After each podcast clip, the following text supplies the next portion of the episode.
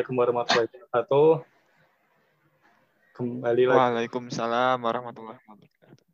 Kembali lagi di acara podcast Seminar Gawe Maba dari PSDM HMMFT IRS ITS. Nah, dengan saya Yoga Ilham Mawidi dari angkatan M60 ya. Dan Jadi, nah, jadi pada malam hari ini kita akan membahas soal bidang pengembangan. Salah satu bidang pengembangan yang cukup keren di ITS yaitu bidang minat bakat. Nah, di sini sudah ada materi nih seseorang yang insya Allah expert lah ya buat menjelaskan tentang apa sih bidang pengembangan khususnya minat bakat yang ada di ITS. Nah, monggo Mas. halo Mas Yoga dan teman-teman dari eh, Pendengar mungkin ya. oh ya pendengar ya. Iya. Pendengar dari apa? Nanti pendeng nanti sasarannya buat podcast ini adalah teman-teman mahasiswa teknik mesin angkatan 2019 begitu, Mas. Oh, oke oke. Mahasiswa. Ya monggo monggo. Boleh perkenalan dulu, Mas. Oke, eh, halo teman-teman eh, pendengar dari eh, mahasiswa 2019 ya, Eh, dari jurusan teknik mahasiswa eh, mesin ITS. Perkenalkan nama saya Mufki Ali dari eh, Ketua Lembaga Minat Bakat ITS nih. Bagaimana Mas Yoga? Mantap, mantap. Nah, Masnya ini kan dari LMB ya, Mas berarti. Tolong bisa jelasin nggak, Mas? Sebenarnya Iya. LMB itu apa sih, Mas? Gitu. Oke, jadi sejarah LMB ITS itu Hah? kan eh, awalnya awalnya pasti UKM dulu, unit kegiatan mahasiswa dulu yang ada gitu kan. Hmm. Nah, namun berbagai macam masalah muncul pada saat itu. Hmm. Nah, UKM UKM itu perlu sebuah forum atau wadah atau lembaga yang dapat mengakomodir kepentingan dan kebutuhan dari berbagai UKM tersebut. Hmm. Nah, Hmm. serta untuk eh, mengakomodir, mengkoordinasi dengan elemen ormawa yang lain, khususnya juga ke birokrasi sendiri. Nah, maka dari itu kemudian LMB ITS didirikan setelah Mubes 2 dengan harapan dapat berfungsi sebagai penjelmaan dari forum komunikasi antar UKM. Jadi sejarah singkat LMB seperti itu. ada tambahan Nah, mungkin tambahan terkait eh, LMB ITS eh, terhadap KM ITS ya. Ah, Nah, kalau LMB ITS terhadap KM ITS itu eh, ada di KDKM Mubes 5 gitu kan. hmm. Misalnya kalau terkait dengan eh, pengertiannya ada di KDKM Mubes 5 ITS bab 5 pasal 48. Kayak Hmm. lembaga minat dan bakat yang selanjutnya disebut sebagai LMB ialah lembaga mahasiswa yang mengkoordinasi dan menginstruksi unit kegiatan mahasiswa atau UKM. Nah, tugasnya sendiri di pasal 49 kayak ketua LMB ITS bertanggung jawab dengan KM ITS melalui MTT Hmm. dan LMB dan BEM ITS saling berkoordinasi dalam hal pengembangan sumber daya mahasiswa dan keselarasan program kerja yang akan dilaksanakan. Jadi eh, itulah apa maksudnya dasarannya LMB ITS itu ada di KM ITS. Hmm. Nah, kalau misalnya terkait eh, hubungannya Hmm. koordinasi eh, instruktif koordinatif. Nah, ya juga di dari ADART. Hmm. Dari DRT-nya LMB ya, Mas. Dari ADART-nya LMB. Jadi eh, semua semua eh, terkait lembaga minat bakat dan UKM itu ada di eh, ADART-nya LMB ITS. Kayak misalnya LMB ITS itu eh, berkoordinasi dengan eh, UKM Hmm. di musyawarah tahunan, sidang LMBTS. Nah, hmm. terus ada rapat presidium LMBTS. Hmm. Nah, terus juga uh, sebenarnya LMBTS sendiri program kerjanya semua itu berkaitan dan berhubungan dengan UKM. Oh. Artinya istilahnya tuh kayak LMB itu mewadahi banget lah. LMB itu mewadahi banget uh, untuk UKM. Hmm. Kayak misalnya ketika uh, eh, UKM emang butuh uh, pelatihan, terus kalau misalnya UKM, UKM juga pasti butuh anggota baru dan hmm. kita uh, mem mempunyai event UKM Expo, jadi seperti itu. Jadi uh, semua kegiatan yang LMB punya, proker LMB itu pasti uh, berkaitan semua dengan... kebutuhan dari UKM. Hmm. Jadi seperti emang emang kerjanya LMB itu ya untuk melayani UKM harusnya gitu. Hmm. Jadi mungkin LMB itu seperti nah. BMITS gitu ya mas. Kalau BMITS himpunan, kalau LMB itu UKM gitu ya.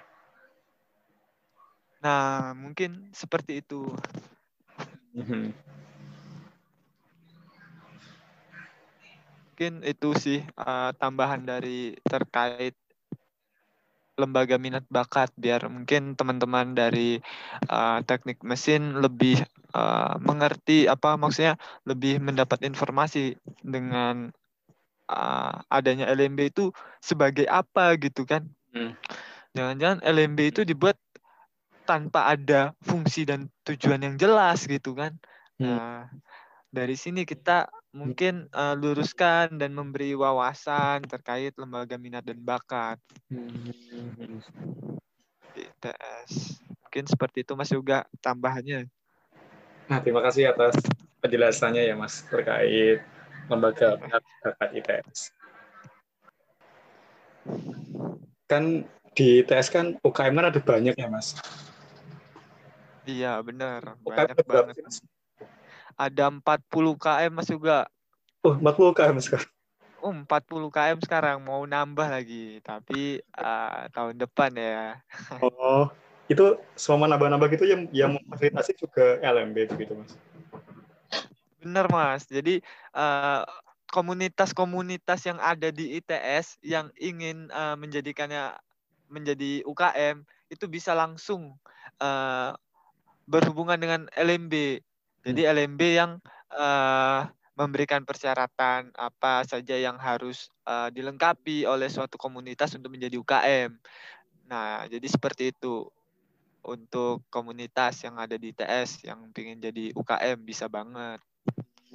Nah, kalau boleh tahu nih Mas ya, syarat-syarat untuk mendirikan sebuah UKM itu apa sih Mas? Nah, mungkin buat buat buat teman-teman pendengar ini ada yang ingin mendirikan UKM gitu ya, mungkin ada yang suka e-sport mungkin UKM e-sport atau gimana gitu? garis besarnya saja mungkin. Uh, Diperlukan apa aja? Garis begitu. besarnya ya. Nah. Anggota. Kalau garis besarnya kayak misalnya uh, memiliki anggota minimal terus mempunyai program kerja yang jelas, hmm. terus mempunyai pembina. Oh. Nah, artinya kita udah harus punya pembina dan harus punya ADART. Nah, jadi seperti itu. Kalau misalnya itu garis besarnya, artinya yang uh, dasarannya yang harus dipunya itu pertama punya anggota, minimal harus 20 anggota baru bisa mm -hmm. menggerakkan organisasi tersebut kan. Terus harus ada pembina nih untuk yang bisa bertanggung jawab, mempertanggungjawabkan uh, UKM itu yang didirikan gitu kan. Mm -hmm. Nah, terus punya dasaran. Dasaran apa? Dasaran yang kuat terkait uh, eh, ADART. Kenapa oh, iya. uh, komunitas itu harus dibentuk menjadi sebuah organisasi kan kalau misalnya UKM kan jatuhnya organisasi ya iya, mas. Or organisasi mahasiswa ITS jadi seperti itu jadi kayak semua mau bikin UKM rebahan gitu harus ada dasar kuatnya ya nggak bisa langsung oh harus ada semua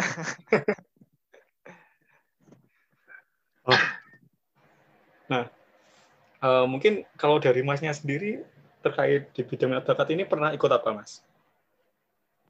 Kalau uh, UKM saya ikut UKM Maritim Challenge nih Mas Yoga. Hmm, Maritim Challenge.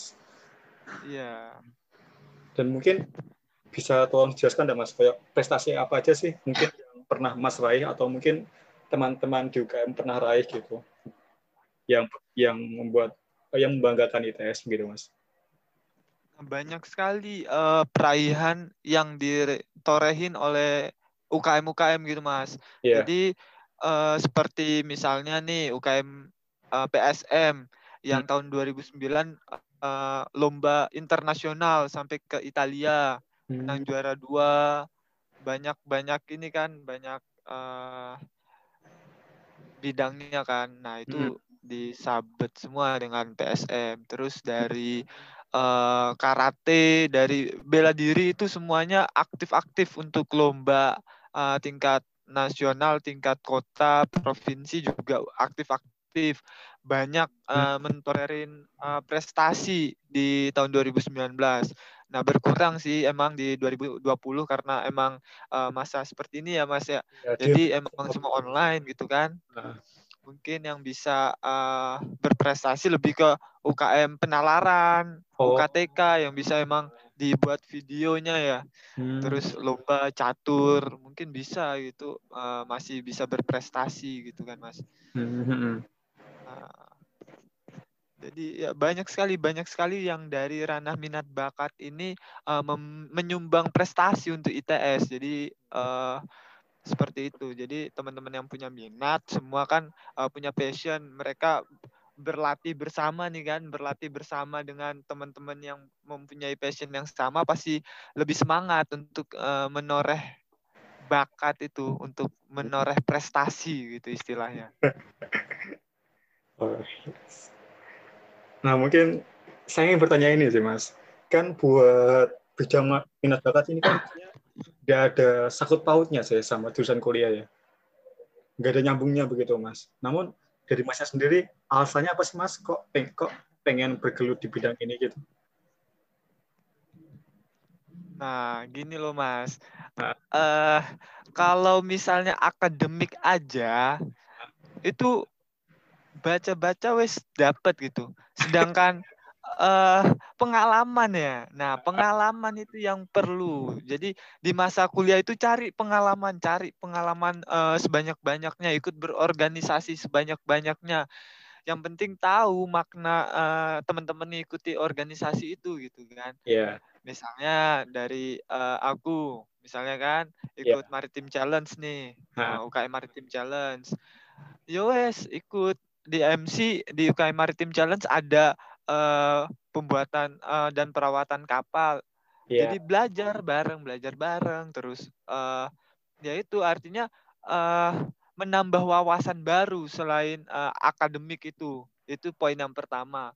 Poin yang kedua punya teman banyak dari bukan hanya dari jurusan itu aja gitu kan. Mm-hmm. Kita punya banyak kenalan dari departemen lain, dari bahkan sampai universitas lain kita kenal, Mas. Hmm. Kayak yang sama-sama sebidang kan di yeah. dunia maritim kayak uh, Brawijaya, kayak uh, UNER, PPNS, hmm. terus hmm. Undip. Uh, Undip dari Madura juga banyak. Ah. Volterra sampai ke Kalimantan ada ITK. Sampai kita kenalan. Jadi seperti itu, Mas. Maksudnya banyak sekali. Mm -hmm. uh, manfaat kalau kita ikut minat bakat ini sendiri gitu. Jadi sangat membangun relasi begitu ya, Mas. Mungkin juga ini sih, Mas. Mungkin uh, uh, contohnya ini saya, ketika teman-teman nanti kok mengikuti suatu bidang minat bakat ya, contohnya uh, saya contohkan mungkin volley gitu ya. Itu bisa semua teman-teman itu sangat jago mungkin di volley dan serius di bidang itu biasanya itu di suatu perusahaan buat open recruitment karyawannya itu juga apa volley itu juga sebagai apa ya nilai tambah buat teman-teman bisa nilai masuk tambah. Iya. Bener, bisa juga seperti itu. Ada juga mas seperti itu. Ada juga uh, perusahaan-perusahaan yang uh, membutuhkan tenaga seperti itu atlet. artinya atlet atlet, uh, atlet dari perusahaan itu kan uh, perusahaan juga ada perlombaannya sendiri untuk uh, research researchnya ya untuk uh, di bidang olahraga. Ya. Yeah. Jadi seru gitu ya. Jadi selain di kerja juga latihan untuk bermain volley gitu. iya kerja terus badan sehat banyak pikiran olahraga jadi fresh gitu mas bukan nambah beban artinya. Ini juga bisa sebagai ajang refreshing mas ya. Benar jadi jadi ajang refreshing malah kalau misalnya minat bakat karena kita emang minat di situ. Belum tentu malah uh, belum tentu malah yang uh, kampus akademik kita minati mas. Ya enggak sih? Hmm. Belum tentu semua uh, mas misalnya teknik mesin belum tentu semua matkul mas sukai belum tentu yeah. semua matkul mas uh, passionin gitu kan mas minati. Benar banget itu. Nah mungkin ini kan mas kan sudah lama mas ya buat berkecimpung di bidang minat bakat ini.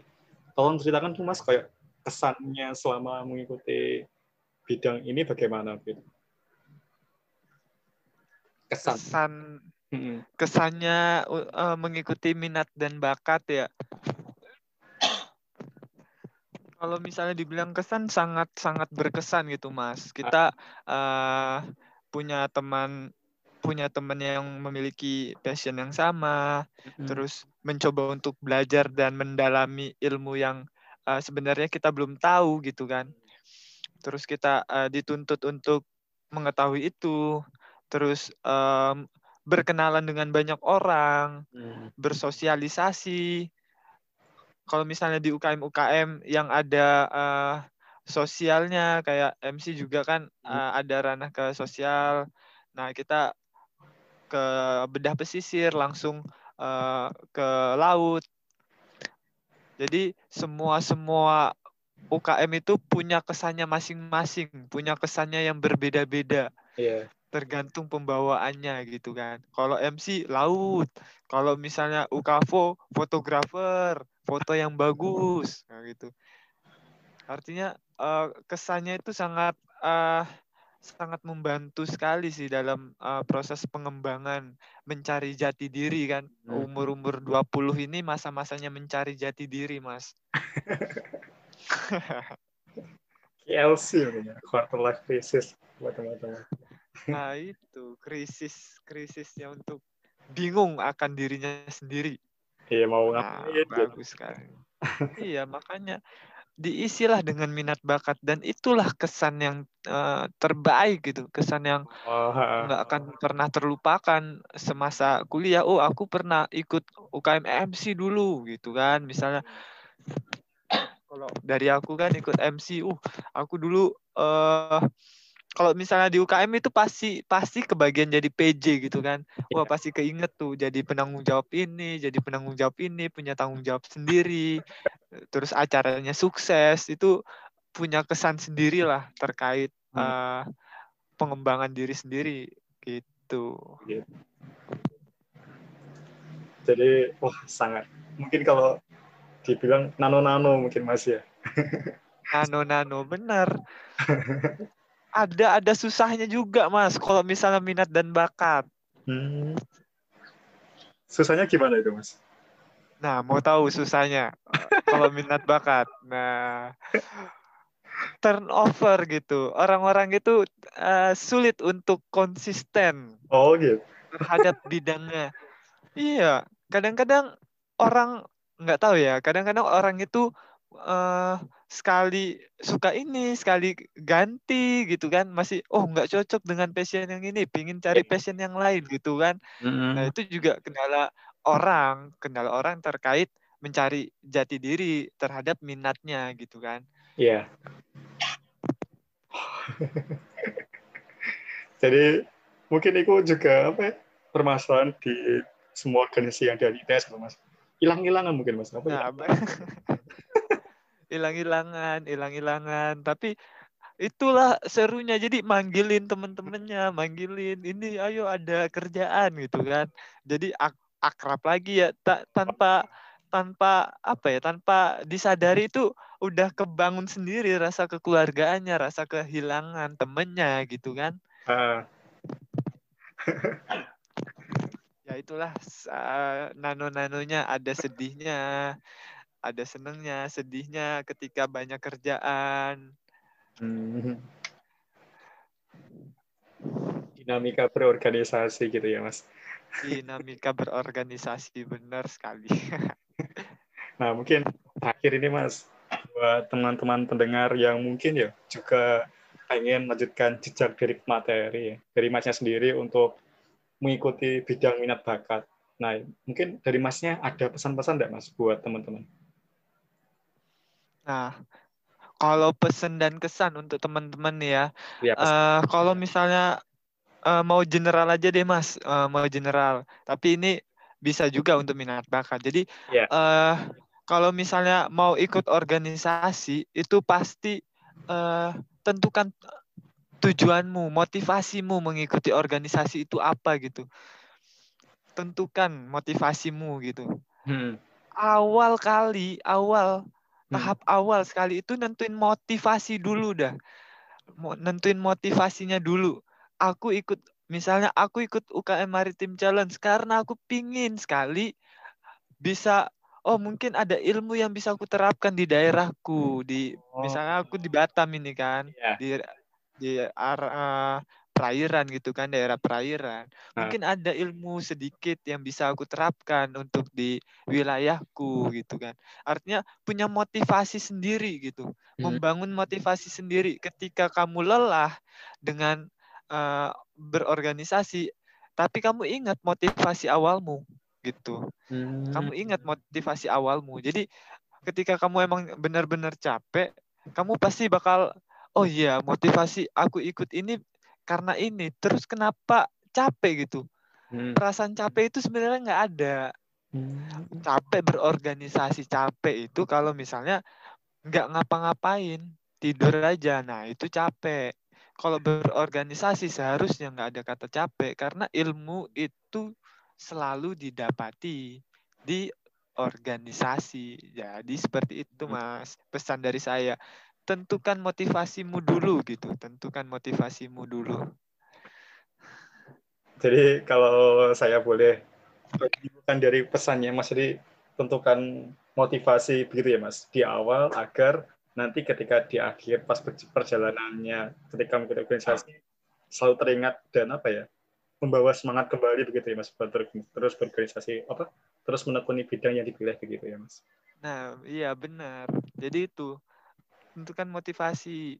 Nah itu pesan pesan paling ini sih general lah. Semua bisa itu. Minat bakat khususnya harus juga harusnya. Karena ya itu karena udah minat tahu-tahu hilang gitu kan. Tahu-tahu nggak ada. Nah terus gimana? Nah hmm. kan juga sama gitu kan dengan uh, ormawa lain khususnya. Yeah. apa yang dikejar gitu? Akademik yeah. itu mengikuti lah istilahnya akademik.